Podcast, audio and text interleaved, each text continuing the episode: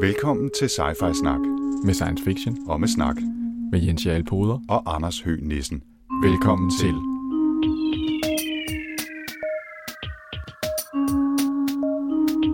You're traveling to another dimension. A dimension not only of sight and sound, but of mind. A journey into a wondrous land whose boundaries are that of imagination. Your next stop, Sci-Fi Snak. Goddag og velkommen til Sci-Fi Snak episode 15. Yes, velkommen til. Hvad er det, det handler om i dag? Vi skal læse en rigtig, rigtig gammel... Ja, rigtig gammel. Den er 30 år gammel, det er næsten ikke til at fatte. En rigtig klassiker. Der er folk, vi arbejder sammen med, som er født efter den her bog blev skrevet. Ja, dem kan man jo heller ikke rigtig tage alvorligt. øh, men vi snakker om øh, Neuromancer, øh, hvad hedder det, William Gibsons cyberpunk-klassiker fra 1984. Det er nemlig det, vi gør. Og det er jo en bog, som jeg godt så sige, at vi begge to har et ret nært forhold til. Ja, altså fordi øh, dengang jeg var ung, der, øh, der, der troede vi på det her med cyberspace, og at øh, vi skulle til at leve i sådan noget virtual reality og sådan noget. Øh, jeg brugte jo meget tid øh, på universitetet på at, at tænke tanker om cyberspace og virtual reality. Øh, det, det, det tog vi temmelig seriøst. Og der var det her, det var jo ligesom øh, nøgleromanen, kan man sige. Den, der ligesom havde lanceret hele. Alle idéerne, alle tankerne og alt det der, er jo ligesom pakket ind i øh, Neuromancer. Øh, så, så, så det er ligesom, altså den her bog er jo for cyberpunk-genren, hvad Lord of the Rings er for fantasy-genren. Ikke? Du kan slet ikke forestille dig, hvor meget der er ligesom lagt ud i den her bog. Og hvis man kommer efter den her bog, så, så er det svært at forestille sig, at det ikke har været der før.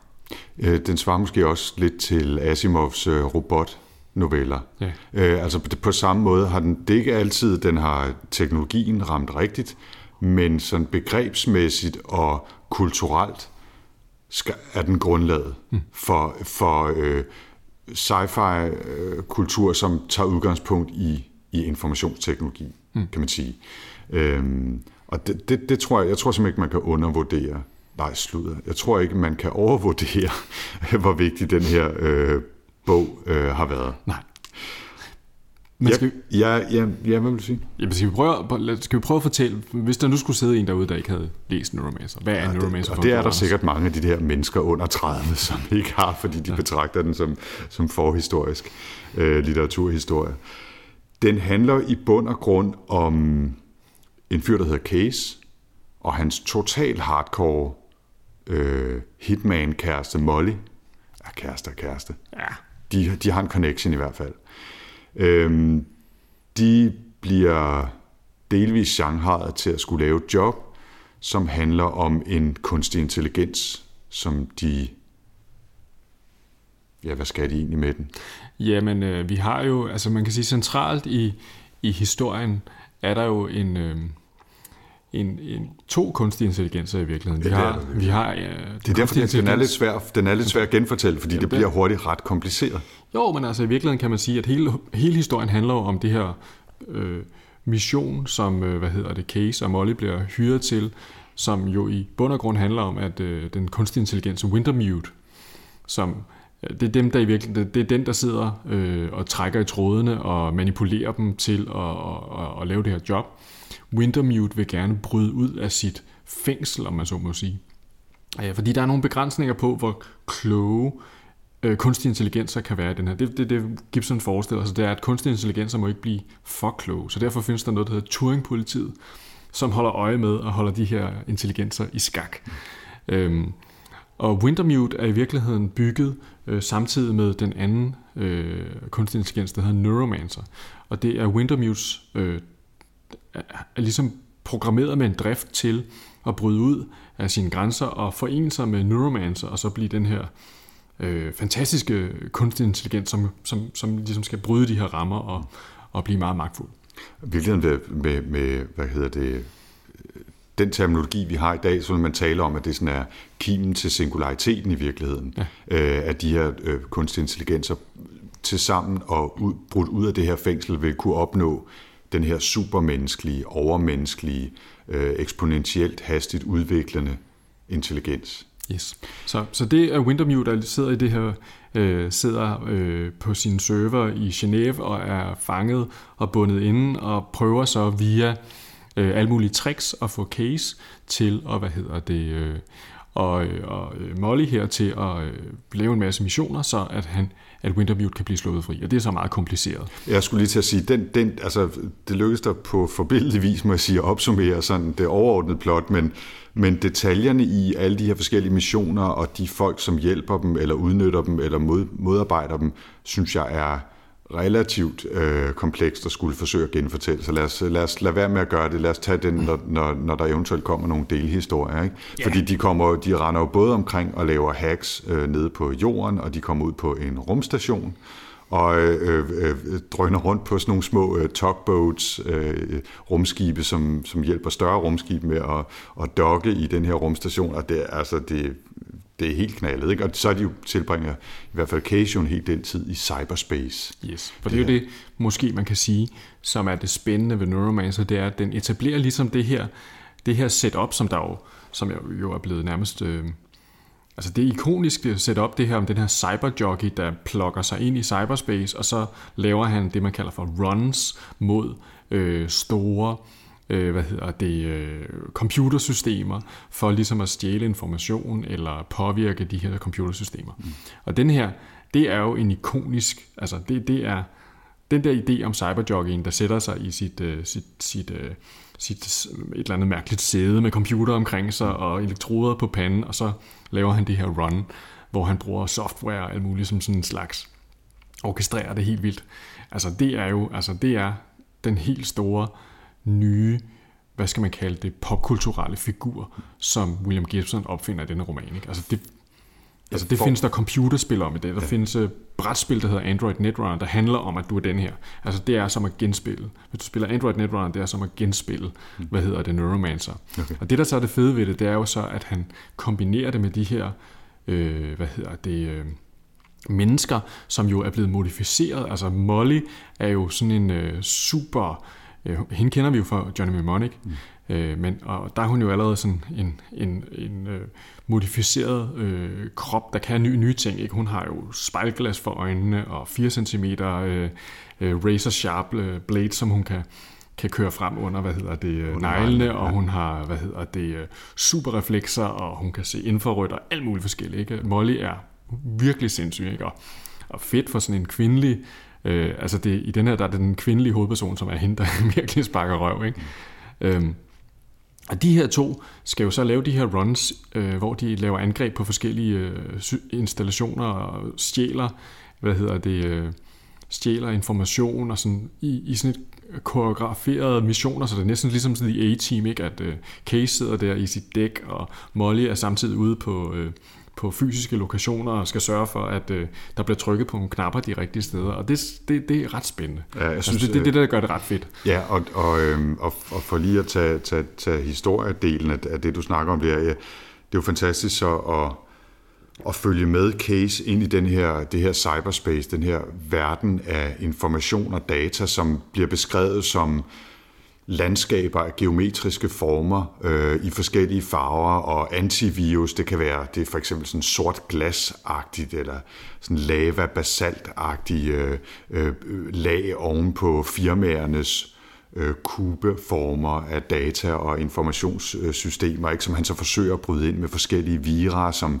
de har, øh, har fået fra en anden kinesisk militær installation, ikke, og som så skal øh, ødelægge det her firmasystem i præcis det rigtige øjeblik, samtidig med at Molly så render omkring inde i rumskib hos den firma, øh, eller ja, det firma, familiefirma, som, som, øh, som styrer de her øh, AI computer øh, og skal, skal gøre nogle ting fysisk samtidig, for at det hele skal gå op i en højere enhed. Altså total heist movie i virkeligheden, ikke? Ja. eller heist-bog, hvor, hvor man kender det fra alt øh, hele vejen op til Oceans øh, 11, 12 og 13. Ja, ikke? Altså, stil, hvor, hvor, hvor de har forskellige ekspertiser, og så gør de forskellige ting på forskellige tidspunkter, og så, dak, dak, dak, dak, dak, dak, så kører det hele, ikke? hvis ellers det kører. Mm. Og så sker der selvfølgelig alt muligt øh, øh, i den proces. Som, som, og vi har ovenikøbet indbygget øh, countdown, ikke? fordi Case, som da vi møder ham, er total øh, outcast, øh, udbrændt, type, som har været ultra-hacker, men bare nu er junkie i virkeligheden, og, og bor i en eller anden øh,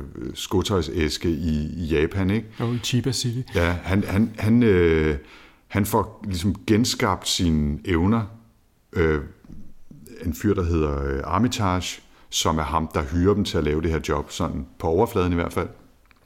Men han får jo også indbygget en nedtælling i sig, ved at han får sådan ligesom syet små øh, poser med nervegifte fast i sine blodbaner, og de betyder, at hvis han ikke gør tingene hurtigt nok og får modgiften øh, til, til, til, til de der poser, jamen så vil han degenerere igen og blive den der lallede øh, junkie, som ikke kan det samme, som han kunne, for, da han var på sit højeste. Mm. Så der er også det element indbygget. Det er total thriller i virkeligheden. Ikke? Ja. Men med alle de her fantastiske lag og nyskabelser og kulturelle øh, opfindelser, mm. som, som har vist sig at blive ikoniske scener bygget rundt om. Ikke?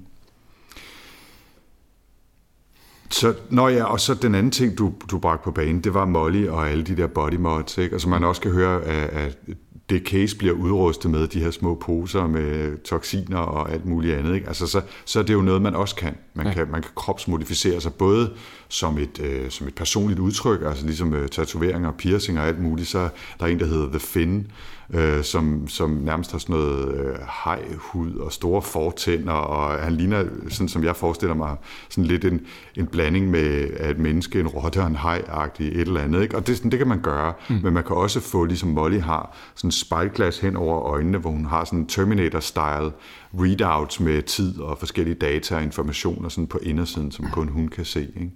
Øh, så der, der er rige muligheder for at gøre alt muligt mærkeligt mm. i den her verden. Nå, og måske er det meget godt lige, altså nu siger du Terminator-style, nu kommer jeg lige i tanke om, altså Terminator, den her bog, den har 30 års jubilæum i år. Mm. Terminator har 30 års jubilæum i år, så det, vi snakker altså om noget, der kulturelt set find, er, er lavet på samme tid som, som uh, James Camerons uh, Terminator.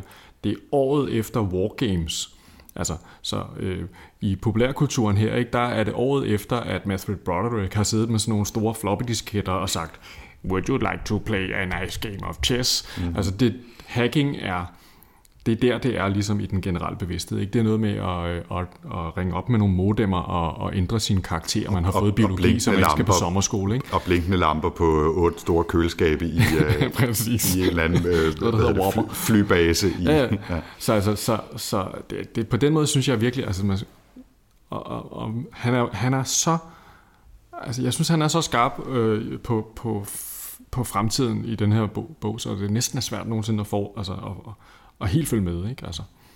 Fordi James Camerons Terminator var også bare sådan, oh, wow.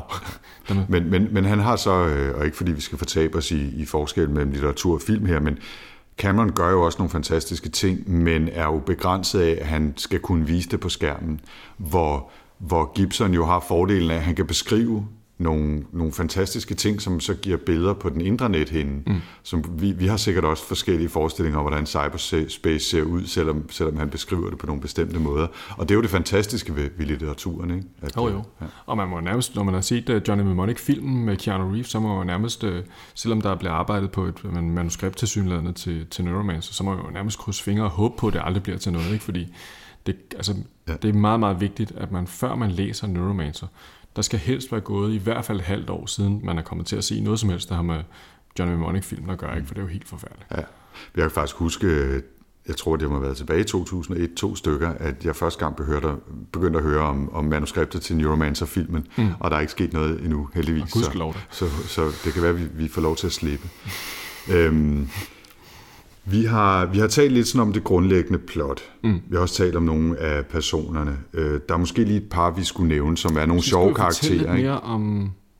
Ja, altså vi, vi mangler lidt at komme ind på, hvem Neuromancer egentlig er. Øh, det, det er måske værd at snakke lidt om Neuromancer, men, men, men vi, fik lige, vi fik lige etableret cases øh, lidt, lidt øh, jo sådan... Øh, jo sådan noget falderet, det er ligesom sådan en uh, Hawcock-detektiv, den falderede ja, person, som, der som kan har været succesrig for meget, men nu ja, sidder på en bar, præcis, ikke, og ja. der er en prostitueret og sådan Det er sådan helt, ja. man mangler næsten ligesom lige lidt, uh, lidt saxofonmusik, så er den der næsten. Ikke? Der, det er bare nu... Der er ikke nogen tvivl om, at, at Gibson også har inspireret, er blevet inspireret her af, af klassiske øh, sådan nogle Chandler-ting. Ikke? Ja.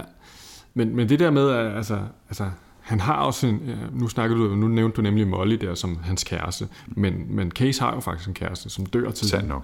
Øh, Linda, som hvad hedder det jo, virkelig kommer tilbage øh, senere, øh, bliver genoplevet inde i Neuromancer.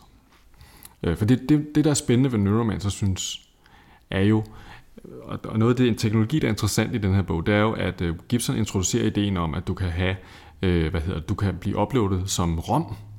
Han skiller meget mellem ROM og RAM. ROM, det er read-only memory. Det vil sige, at det er, som det er. Og på et tidspunkt får vi for eksempel en af de gamle hackervenner, øh, som ham øh, Case oprindeligt er blevet trænet op af. Hans øh, Flatline Dixie. Flatline Dixie, ja. Mm-hmm. Han er jo simpelthen død øh, på et tidspunkt øh, under et øh, run, hvor han er kommet øh, galt afsted med noget black ice, som man, siger, som man kalder det her virkelig slemme øh, hvad hedder det, beskyttelsessoftware. Mm. Øh, og nu, han så, nu ligger han så på sådan et, øh, et ROM-drev der, og han hjælper undervejs her, hjælper han, hvad hedder det, Case. Men det som Neuromancer kan, efter sine, mm-hmm. det er, at det kan køre de her bevidstheder som ROM. RAM, mener jeg. Mm. Så det vil sige, at det vil sige, personligheden uh, Flatline Dixie, han kan ikke udvikle sig videre. Han lever ikke videre. Han er bare sådan ligesom sådan et ekko. Men Neuromancer skulle efter sine kunne køre personer videre, så de lever videre. Som digitale entiteter, yes. der udvikler sig og lever videre ja. inde i den computerskabte verden. Og det synes jeg er sådan en, en fin ting på et tidspunkt for øh, på, undervejs i den her bog, der flatliner, at der dør, hvad hedder det, case, case faktisk et par gange, mm. øh, og, og genoplever sig igen. Øhm, og en af gangene, der, der bliver han jo så snuppet af Neuromancer. Han bliver hijacket af Neuromancer, og hvad hedder det, øh, og er lige pludselig på sådan en ø, hvor han, han efter, altså hvis han havde lyst, så kunne han så være blevet der, og så og han er der så sammen med Linda Lee der. Mm-hmm. Øh. Ja, og man kan ikke slippe væk fra den her ø, og man oplever alt muligt. Altså, han fryser, han er sulten, og de, mm. øh, han prøver at tale med, med, med hende der, ikke? Øh, om, om hvor kommer du fra, hvor, hvor er, hvor, hvad er der rundt om her, og alt muligt. Der, hun, hun har ikke rigtig nogen forklaringer. Han, og de går ligesom rundt og er fanget i det her på nærmest bogstavelige limbo, ikke? Øhm, som er inde i computeren, fordi han er, som du siger, han er flatlinet, ikke? han er virkelig en klinisk død øh, i, i nogle sekunder. Øh, fordi han er blevet ramt, og det jo også en meget interessant tanke, det med, at han bliver ramt kropsligt, fysisk, bevidsthedsmæssigt af de antivirus programmer, han, han, han bliver ramt af. Ikke? Altså ligesom hvis man, øh, hvis man ramte en øh, firewall, eller der er nogen, der forsøgte at hacke en, så, så bliver man... Øh, så bliver man forkølet af det, eller et eller andet. Ja, ja. Ikke? Altså det er sådan den milde form af det. Og sjovt nok peger det så i øvrigt tilbage på, da vi læste Snow Crash, uh, Neil Stevensons Snow Crash, fordi den handler jo i virkeligheden også om det der overlap mellem den fysiske verden og den digitale verden, og ikke mindst vores bevidsthed og vores hjerne midt i alt det der. Ikke? Nå, men... Sådan en cyberjockey der er jacket ind, eller hvad de nu kalder det, mm. eller hvad de siger. Så hvad hedder det, øhm, så er de, altså, så er de decideret meget, meget tæt på cyberspace. Så, så altså, hvis der sker ting til dem, så kan de blive brændt ja. og gjort ting. Ikke? Altså, ja, ja. Det, det, de er sådan, øh, nærmest altså helt påvirkelige af det. Ikke? Ja, altså. ja det, nu, nu har virtual reality jo fået sådan lidt en opblomstring igen med Oculus Rift og Sony Morpheus og forskellige andre sådan headsets. Mm. Men det er jo stadigvæk altså, stort set udelukkende visuelle input. Mm. Uh, vi mangler jo stadigvæk, hvis vi ønsker os det, ikke? men altså, der mangler jo stadigvæk den der dimension af, at det er koblet tilbage på kroppen, også med andet end visuelt input. Ja. Der er forskellige systemer til, at vi kan interagere med det, med bevægelser og sådan nogle trædemøller og alt muligt andet. Men det er meget få ting, der sådan feeder tilbage på, på kroppen, og selv hvis det gør det, så er det jo på kroppen, altså for eksempel med veste, der, der ligesom sådan giver små øh, tryk ind, hvis man bliver skudt på, eller et eller andet den stil. Ikke? Der er jo ikke sådan direkte t- tilbagekobling på det neurale netværk, det er måske også meget godt. Ikke? Mm. Men, øh, men det, han, det, det forudser han jo her, eller beskriver han her i hvert fald. Ikke? Og det er jo noget af det, som ligger til grund i virkeligheden også for hele, hele snakken om virtual reality. Det er, jo, det er jo nogle af de ting, han beskriver her. Ikke? Mm. Øhm, men det var, det var Neuromancer, og så er der jo helt, altså et helt galleri af mere eller mindre vigtige karakterer. Øh, der er en familie, der hedder Tessia Ashpool, som, som i virkeligheden ejer øh, Wintermute systemet. Og Neuromancer, og, Neuromancer. Øh, og som, som man har indtryk af, at det er sådan et konglomerat, der nærmest mere eller mindre driver det meste af kloden, ikke? Altså med, sådan, med deres forretning, mm. og de har sådan et sindssygt system med, at de kloner hinanden, og så, så, hvad hedder det, så gør bedstefaren øh, øh, niæsen gravid, og så bliver de lige klonet, så bliver de frosset lidt ned, og så bliver de genoptøet, fordi det skal hele tiden være den samme familie, der, der kontrollerer det her konglomerat, ikke? Mm. Øh, og holder til op på rumstationen. Så er der fantastisk sæt karakterer med især Malcolm, som, øh, som en af de centrale personer, som er sådan nogle rumrastafarier, som drøner omkring ud ved den der rumstation og hjælper øh, Case og Molly øh, og hører, hører virkelig tung, øh, tung bass dub og, og ryger nogle, nogle hæftige bønder og, og hygger sig derude. Ikke? Øh, og så er der... Øh, Ja, hvad var den anden, jeg lige tænkte på? Jo, der er jo, der er jo uh, Armitage der, som sådan på, på overfladen i hvert fald hyrer Case og Molly til at udføre det her job, men viser sig at være en eller anden fuldstændig ravne sindssyg tidligere soldat, der er blevet øh, hjernehækket. Ikke?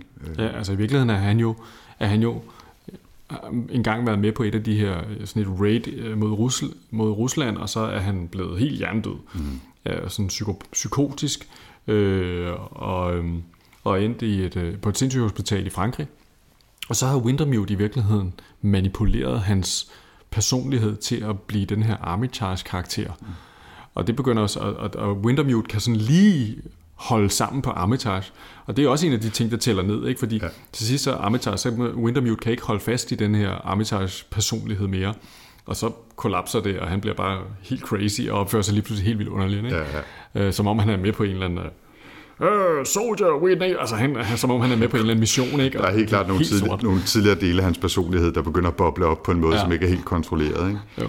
Øhm, og det, det er, der, er, der er et, et interessant persongalleri, ja. vil jeg sige. Ikke? Og så er det den her underlige sadistiske illusionist, som er en eller anden grund er med. Jeg er ikke helt sikker på, hvad... Riviera. Riviera, ikke? Som, ja, ja. som også har sådan en Hvorfor er det lige, han skal med? Ja, han, jeg synes også, han er en af de mærkelige karakterer. Ja. Jeg, jeg forstod ham aldrig helt. De tager til, øh, er det, tager til Tyrkiet ja, ja. og henter ham, fordi han skal hjælpe dem i den her mission på en eller anden måde, og det bliver, det bliver aldrig rigtig helt klart for mig. Jeg kunne ikke huske, jeg kunne ikke huske ham særlig godt, og det blev aldrig rigtig klart for mig i genlæsningen, hvad det egentlig var, han skulle, andet, end at han skulle være der senere i historien, fordi han skulle fucke med Case og Molly. Ja. Øhm, og, øh, og i øvrigt øh, bliver ramt i et, i et ret, øh, jeg altid synes, det var ret interessant opgør med sådan en, øh, sådan en øh, genmodificeret ninja-type, der hedder Hideo, ja. øh, som, som virkelig er en hardcore assassin-type, som, som beskytter den her Tesha Ashpool-firma. Ja. Øh, øh, øh, familie. Øh, han er deres personlige bodyguard, og han er med med hardcore. Altså. Ja, ja, og det er jo ham, som i virkeligheden, altså så, når man kigger tilbage, så trækker det tilbage til Johnny Mnemonic også. Han mm. blev jo også Johnny, øh, Molly fortæller om historien om sin, sin liv med Johnny Mnemonic efter hvad hedder det, den, den, øh, den øh, novelle slutter, mm-hmm. og der bliver han jo slået ihjel af sådan en ninja på et ja, tidspunkt, ja, ja. og hun kan genkende mm-hmm. ham. Ikke? Mm-hmm. Altså, det er sådan, ja, ja. Det er, han, han er ret cool. Men, men øh, vi har talt... Altså, skal vi lige nævne, at vi jo, altså den her rumstation, Nå ja. Og bare lige for, okay. ikke, bare ja. for lige at huske, at han altså, nu, jeg synes tit, at uh, Gibson her får, får sådan lidt skudt i skoen, at han har sgu ikke så meget styr på tingene og sådan noget. Det er sådan lidt uh, egentlig sjovt på sådan en, en skrivemaskine forfatter der, der sætter sig ned og skriver og sådan noget. Han ved jo ingenting om computer og sådan noget. Men altså, han har alligevel lidt nerd uh, credibility hos mig. Uh, han, den der Freeport uh, mm. roterende rumstation der, den er jo simpelthen, den ligger ude i det her område, der hedder L5. Det bliver bare nævnt som om, at det vil alle være. Men det er jo det her rum sted, der ligger lige mellem jorden og, øh, og månens hvad hedder det, øh, tyngdekraftfelt. Så, hvis du, så, så i 1975 blev der dannet et uh, selskab, der hed L5 Society, som arbejder for at lave en stor roterende rundstation, som skal ligge lige i det her L5-område. Jeg tror, at det ikke Lagrange, efter en eller anden fransk matematiker, som regnede ud netop, at der vil være sådan et uh, punkt, eller en serie af punkter, som og var stabile. Der er L5 og der er L4, ikke? Ja. Øh, og det er dem, der er stabile. Og, og der, der er altså så, hvad hedder det, et selskab, altså sådan et, mm. en forening af mennesker, der arbejder for, at nu må vi se at komme derud og få bygget en rumstation. Ja. Øh, og, og der synes jeg, det er ret fedt, at han, øh, der, det, det er altså lige der, den ligger, og den er nærmest spitting image af de beskrivelser, der er i L5 Societies materiale af, hvordan sådan en, øh, ja. en rumstation bør være.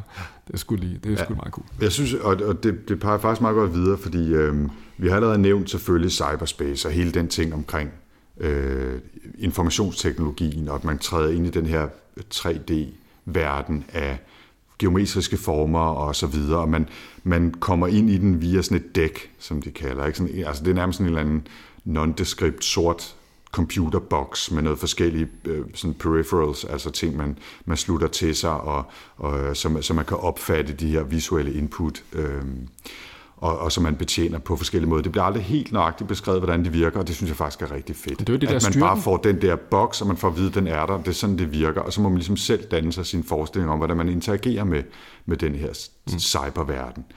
Så har vi talt lidt om body modifications, og øh, kunstig intelligens er jo centrale med Win, øh, Wintermute og Neuromancer. Der er rumteknologien, ikke? Øh, så han kommer virkelig, altså han får også ovenikøb beskrevet øh, altså masse biovidenskab, ikke? Altså der er drugs og, og gifte og alt muligt andet, ikke? Mm. Også, hvad hedder det, der er jo også, hvad hedder det, de her Modern Panthers, som bliver, hvad hedder, som er sådan en underlig sub kulturs øh, sådan nogle øh, cyberterrorist-agtige aktivistiske typer, som er mega bodymodded, så de nærmest er sådan nogle omgå, omvandrende hvad hedder det, øh, altså de er nærmest jacket ind hele tiden, mens de går rundt og har underligt mærkelige antenner stikkende ud af hovederne og opfører sig sært. De er jo med på det første heist, de laver.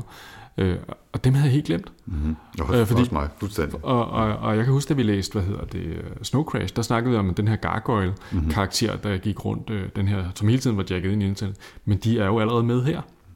Øh, ikke, ikke igen, han beskriver dem ikke lige så grundigt, som Neil Stephenson gør. Neil Stephenson vil hele tiden gerne forklare teknologien, hvordan den virker. Det er noget med en laser, der skriver, og her er en demon, der kører, og ting og sager. Han, han er meget tæt på teknologien. Gibson er mere sådan, at han beskriver, og så kan vi ellers selv forestille os, hvordan det ja. fungerer. Det synes jeg egentlig er okay. Ja, han er, altså, han er jo der tilbage i 1984, så han har virkelig været, ja, han har nærmest været jacket ind i en eller anden form for teknologikulturel understrøm, uden nødvendigvis at vide sindssygt meget om, om sådan detaljerne, i hvert fald ikke har haft lyst til at beskrive det detaljer, men på en måde, så han har kunnet samle det og udvikle det og bearbejde det og præsentere det på en måde, som bare fanger denne her teknologikulturelle strøm eller tidsånd fuldstændig klokkeklart. Ikke? Mm. Og det, det, er jo, det, er jo, det er jo derfor, den stadigvæk lever 30 år øh, efter. Ikke? Mm. Øhm, det, teknologierne der, og så, øhm, så bliver vi også nødt til lige at nævne, at øh, meget af den ja, foregår jo i rummet, øhm, men ellers så, så, så møder vi dem jo første gang i Japan, i øh, Chiba City, øh, og, og det er jo, det er jo et, et tema, som går igen også meget senere af, af William Gibsons arbejde, det er den her fascination af Japan og japansk kultur, som ikke bare foran, og ikke altid foran, men nogle gange foran, og som regel altid en meget mærkelig, nogle gange innovativ, andre gange bare forvredet eller forvansket form for kultur, vi kender til. Mm. Altså der kommer utrolig mange strømninger fra Japan, i hvert fald fra Gibson, som er fascinerende og spændende og peger fremad eller peger nye steder hen. Også på, på forkerte måder, kan man sige, eller på uheldige måder. Ikke? Øhm, og det er altså den der verden, vi møder Casey, ikke? hvor han bor i sådan et skotøjsæske hotel der, ikke? Og, mm. øh, og, og hænger ud på en bar med nogle højst uheldige typer. Ikke? Mm. Der, der, der er han jo så, altså det er jo så 80'er, så det kan være, ikke? for hele den der fascination af Japan og japansk teknologi, den, altså den er jo, hvis du ser almindelig pop, øh, popkulturel film, eller fra, fra 80'erne, mm. øh, se Conan the Barbarian film, ikke? der er der øh, scener, hvor de snakker om, øh, uh, åh, oh, det er så vildt, det der keyboard, det må ja. være fra Japan. Ja, altså, det er sådan en idé ja. om, at alt, der kommer fra det er Japan... Sådan en, sådan det er sådan en Sony-tid på en eller anden måde, ja, ikke? og Toyota-tid. Ikke? Ja. Øh, men, men vi har den jo stadigvæk, den der sære fascination af, hvor, hvor afsindigt mærkelige de er i Japan, og det er de jo også mm. et, et, et langt stykke hen ad vejen. I hvert fald, det har været min oplevelse. Ikke? Det er i hvert fald en meget anderledes kultur, end den vi er vant til. Ikke? Øhm, så, så det synes jeg også er sjovt lige at få med, ikke? at... Mm. At den, den starter der, så bevæger den sig via Mellemøsten øh, ud i rummet i øvrigt. Ikke? Og så beskriver han også det her sprawl, altså øh, de sammensmeltede byområder, som dækker kolossale arealer i USA især, men også i, i Japan, ikke? som er sådan et underligt, ja, sådan et øh, slum, slumagtigt byområde, ikke? men sådan med, med højteknologiske centre, hvor, hvor tingene alligevel sker. Men han, han bruger ikke særlig meget tid på at beskrive konkrete detaljer igen. Mm. Øh, men det bliver, det bliver overladt til fantasien, men der er lige trukket nok, eller nok skitseret nok billeder til, at man kan danne sig et form for indtryk, uden at man nødvendigvis skal sætte sig ned og, og beskrive det i detaljer øh, mm. selv heller. Øhm, som vi har talt om, så øh, har han jo arbejdet videre siden. Den gode William Gibson. Øh, Neuromancer kom i 1984, og det endte jo med at blive en trilogi med Count Zero og Mona Lisa Overdrive i, så vidt jeg husker, 86 og 89 eller 88. I hvert fald i løbet af 80'erne fik han skrevet den her trilogi færdig, hvor han arbejder videre i nogle af de samme tematikker med, med et, et overlappende persongalleri. Ikke? Ja, Molly hun dukker op i træerne igen, ikke? Ja, og øh, jeg tror også, Wintermute er med senere, øh, den kunstige intelligens. Så går han over og laver en anden trilogi, som er, er meget tættere på vores egen tid og virkelighed, øh, som blandt andet foregår på, på Golden Gate. Øh, og, øh, og så har han så senere skrevet blandt andet Spook, Spook Country og Pattern Recognition og Zero History, som nærmest foregår i vores egen tid, og meget mere handler om kultur og samfund og, og sådan karakterer, end, den handler om, end de handler om teknologi, selvom teknologien som regel altid øh, ligger og bobler lidt. Og så har han vist jo en helt ny på vej, der hedder The Peripheral, som lige er på trapperne, mm. hvis den ikke allerede er kommet. Så, så han arbejder stadigvæk og har jo øh, en pæn produktion bag sig efterhånden. Og jeg holder, altså, jeg, jeg synes også, at rigtig mange af de senere bøger er bestemt er værd at læse. Det er ikke nogen, jeg har vendt tilbage og læst. Jeg har nok læst Neuromancer en, en håndfuld gange efterhånden. Ikke? Det har jeg ikke gjort med, med særlig mange af de andre, men jeg, jeg synes, de har været rigtig gode. Og noget af det, jeg synes, han kan, som især måske viser sig senere, det er, at han også sproglig er utrolig færm. Altså, jeg kan virkelig godt lide hans sprog. Øhm, jeg synes, altså, han er så poetisk når det slår ham. Han er fantastisk til at skrive små, sådan perfekte øh, ædelsten af, af sætninger, synes jeg. Det, det kan jeg rigtig godt lide ved ham også. At det ikke det er ikke bare øh, sådan techno-noir thriller, øh, han skriver heller ikke med de første. Mm. Jeg vil sige, sprogligt er, er Neuromancer ikke nødvendigvis højdepunktet. Den lever meget på, den lever meget på, på, på stilen og stemningen og de her opfindelser, han gør, eller de her ting, han uddestillerer af tidsånden. Ikke? Ja. Men, men senere, synes jeg, der, der, der nyder jeg virkelig at læse hans, øh, hans ting. Så. Ja, altså for stilistisk synes jeg faktisk, at i den her roman, der kan det godt nogle gange være en lille smule anstrengende at læse nogle af de. Altså det bliver næsten for, nogle gange for, forser han ligesom det der ønske om at bruge virkelig mærkeligt billedsprog. Men det, og det tror jeg måske også er noget af det, der viser, at den er 30 år gammel, ja. og er knyttet til, til den tid, den er. Ikke? Altså, det virker også lidt på mig som om, at, at, at det er lidt dateret. Ikke? Mm. Altså, det er lidt ligesom at, måske at se... Jeg har ikke fået hørt den nyeste udgave af Incomparable, men der snakker de jo om Terminator netop, ja. og genser den, og den glæder mig meget til at høre. Øh, og jeg har hørt uh, Merlin Mann resumere den kort, uh, podcasteren Merlin Mann, um, og, og han sagde, noget af det, de var enige om, det var, at den,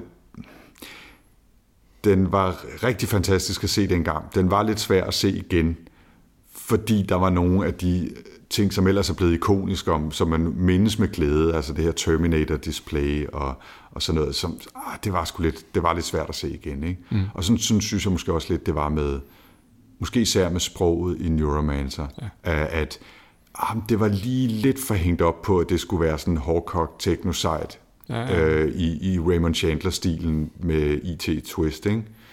Øhm, og det, det, det synes jeg var lidt, og så, så må jeg altså også indrømme, at det kan godt være, at det var mig, der havde lidt travlt med at læse den den her gang, eller det var for længe siden, jeg havde læst den sidst. Så altså plottet tog nogle krøller en gang imellem, hvor jeg havde lidt svært ved lige at huske, hvordan fanden det lige var, det hang sammen.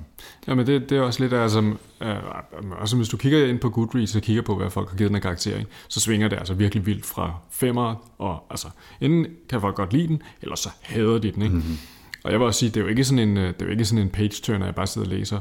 Altså, den, er, den er svær at læse, og jeg synes ikke, det er sådan, at man sidder, det er heller ikke sådan, at jeg sidder og tænker, åh, oh, ham Case der, det er bare en helt stykke karakter, der bare er simpelthen så spændende at følge hans, øh, hans uh, character development igennem uh, historien. Altså, der, der er ikke, på den måde er det, altså, det er jo på den måde, det kunne næsten have været en tegneserie. Mm. Uh, Molly er jo skøn, fordi hun er så altså, det er jo en opfindelse. Hun er jo en opfindelse, ikke? Altså, hun fandtes ikke før, nu findes hun. Ja. Fantastisk. Men, men Case er jo whatever. Altså, han er jo bare irriterende. Ja. Øhm, så ja. Altså, ja, så det, jamen det, altså, det, bogens hovedperson er jo, man kan næsten sige, det er teknologien, eller opfindelsen, eller cyberspace. Mm.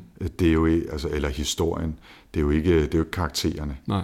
Det er jo næsten ikke engang plottet, der driver det. Altså det, selvfølgelig er der nogle ting, vi skal igennem, og, og der er en overordnet mission. Øh, men... Jamen, det er typisk, jeg, sad her og skulle, øh, det er jo en måned siden, jeg læste den, og, og skulle jeg lige, øh, og jeg kunne ikke rigtig huske, hvad den sluttede med. Mm. altså, det er ikke sådan, på den måde er det ikke sådan, at man sidder og tænker, yes, så, det, så, øh, så skete der det, og så skete der det. Det er sådan lidt uklart på ja. en måde. Det, det er nogle andre ting, man husker fra det. Var, det var faktisk sjovt netop, at da jeg gik i gang med at læse den igen for en måneds tid siden, øh, der var virkelig, virkelig mange ting, jeg ikke kunne huske. Ja. Altså, sådan hele, hele plotsegmenter, hvor jeg var sådan, hvad, fanden, hvad for noget? Rastafari, ja, det kunne jeg slet ikke huske, at de var med. Det, det var fuldstændig øh, røget ud af min hukommelse. Jeg tror også, det er måske 15 år siden, jeg har læst den sidste, ikke? eller 10-15 år siden. Men der, men der var store dele af plottet, som var helt lost. Endnu en ting, som han har opfundet, ikke? det er, at der skal være Rastafarier i uh, sådan noget cyberpunk, og de skal bo et sted, der hedder Zion, som er sådan lidt afsides for det hele, hvor ja. de dyrker sig selv. Matrix. Ja, ja. hvor det, ja. det, det er virkelig syret. Ja, det, der, der, er lagt der, mange, der er lagt mange skub små æg rundt omkring. Ja, det må man sige. Uh, nu, nu nævnte du allerede, uh, du sagde Goodreads mm. og ratings. Yes. Skal vi lige komme til den del af det? Ja, lad os snakke om, hvad vi synes om Ja. Jeg vil sige, at uh, det her det er en roman, der betyder utrolig meget for mig jeg, jeg var virkelig, virkelig vild med den, dengang jeg faldt over den, og det gjorde jeg altså ikke i 84. Der er nok, der er nok gået en 2-3-4 år jeg siden. Jeg tror, jeg læste den i starten af 80'erne. Eller stod i starten af 90'erne. Ja, jeg, tror, jeg tror, det har været op omkring 89-90 øh, stykker, da, da jeg har læst den. Ikke? Og så, øh, som du antydede i starten, så delte vi jo en, en studieoplevelse på litteraturvidenskab der midt i 90'erne, hvor vi havde et, et kursus om cyberkultur og cyberspace med den gode Anders Mikkelsen, øhm, hvor den her selvfølgelig var helt central. Mm og hvor det også var, der var meget snak om virtual reality, og det hele var sådan lidt små teoretisk, fordi vi havde knap nok set internettet på det tidspunkt. Ikke? Øhm, så, så der fik den også en, en, en professionel øh, central position for mig i, i det, fordi den selvfølgelig som værk var helt central for den kultur, vi, vi arbejdede med på det kursus. Ikke? Mm. Så jeg, jeg synes, at altså, den, den står virkelig højt på, på klassikerlisten for mig. Når det så er sagt, så har vi jo også allerede talt om, at den faktisk er lidt svær, øh, og at den, den er lidt krøllet, og der er nogle karakterer med, som man ikke helt lige forstår, hvorfor de skal være der, og sproget er måske også lidt antikveret og sådan noget. Og alt det er bare for at sige, at jeg faktisk endte med at, at, at knuse mit eget hjerte en lille smule og give den 4 ud af 5. Øh, jeg vil jo rigtig gerne bare have automat trukket femstjernekortet på den her, fordi jeg, den er en klassiker for mig og har betydet så meget. Men jeg synes måske også, at, at man kunne se spindelvævet i krogene og, og fornemme patinaen, da man, øh, da man læste den igen. Og derfor så, så synes jeg, at den er havnet på en 4, for lige at sige, at okay, hvis man ikke har læst den her, eller hvis man har lyst til at genlæse den, så er det måske det forventningsniveau, man skal gå ind til den med, og ikke at her er en perfekt diamant, som, som, aldrig, øh, som aldrig bliver beskidt, og som, som øh, koncentrerer det hvide lys, og vil gøre det i al fremtid. Ikke? Så, så det var der, jeg endte. Det er nogle gode betragtninger, du gør det, og jeg har præcis de samme betragtninger over den, og har alligevel valgt at give den 5. Mm-hmm. Øh, og det er... Men, også, også, men det er nok sådan, jeg engang med, der giver jeg en bog, som jeg egentlig stadigvæk synes er svær, øh, og, og måske heller ikke lige var. Altså, men, men jeg synes, det er en vigtig bog. Mm. Og jeg synes, når jeg læser den igen, kan jeg stadigvæk godt mærke, at det er en vigtig bog. Og derfor øh, der får den 5 for, øh, for, for, for den position. Ikke? Altså, det, det er så svært at forestille sig, hvor, hvad hvis den bog ikke var blevet... Altså, det kan være, der var andre, der havde skrevet den, ikke? Mm. men det, det er næsten ikke til at overvurdere.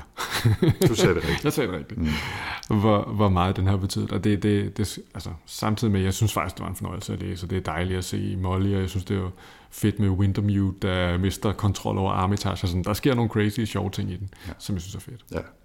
Og men jeg, jeg, det, det gør også lidt ondt i mig, men, men jeg synes lige, at, at øh, jeg måtte drøbe den der ting i bæret, ikke? Øh, fordi den, den havde nogle udfordringer, synes jeg, ved genlæsning. Men ja. det er jo stadigvæk en fantastisk bog. Altså, jeg, jeg, jeg, jeg havde at skulle udlevere mig selv øh, i offentlighed, det passer ikke, men, men nu gør jeg det en gang til. Jeg, jo, jeg elsker jo åbningssætning i den bog, højere end nogen anden åbningssætning i hele verden. Ikke? Øhm, The sky above the port was the color of television tuned to a dead channel. Og, og jeg synes bare, det er, det er poesi for mig, og jeg, jeg, jeg glæder mig over den sætning nærmest ugenligt. Ikke? Mm. Øh, og jeg ved ikke, hvorfor den rammer så perfekt for mig, men det gør den bare. Jeg synes bare, jeg kan huske, da jeg læste bogen første gang, at jeg tænkte, her, nu, hey, der sker altså et eller andet her. Ikke? Og det siger jo noget om, hvor, hvor lang tid siden det er, at, at noget, der refererer til, til TV, tv-apparat overhovedet kan være, kan være interessant eller funky, men det var det fandme. Ikke? Ja, altså. Og, man, og, altså, det er jo noget, som hvis man var 20 år i dag, så forstår man jo ikke, hvad det betyder, fordi man har jo aldrig set sådan en CRT-fjernsyn, der ikke, der ikke fik et godt signal, øh, nej, nej. hvordan det ser ud. Nej, den, den, der, den der lidt grå, grå grøn, grumsede farve. Ikke? Nå, var himlen blå? ja, ja, ja, lige præcis. Nå. Ja. Det, det vil man ikke kunne forstå, men, men, men det betød noget dengang. Ikke? Altså, ja. øh, så, så øh, det, det gjorde ondt at give den fire, men det fik den altså for lige at, at, at signalere det, som jeg allerede har sagt. Ikke? Så, så sådan er det.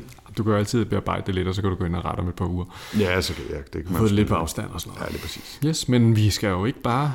Nu skal vi også læse nogle andre romaner. Ja, det, og det er din tur til at vælge. Ja, og øh, jeg havde egentlig valgt en anden. Og så her til formiddag, så, så ombesluttede jeg mig.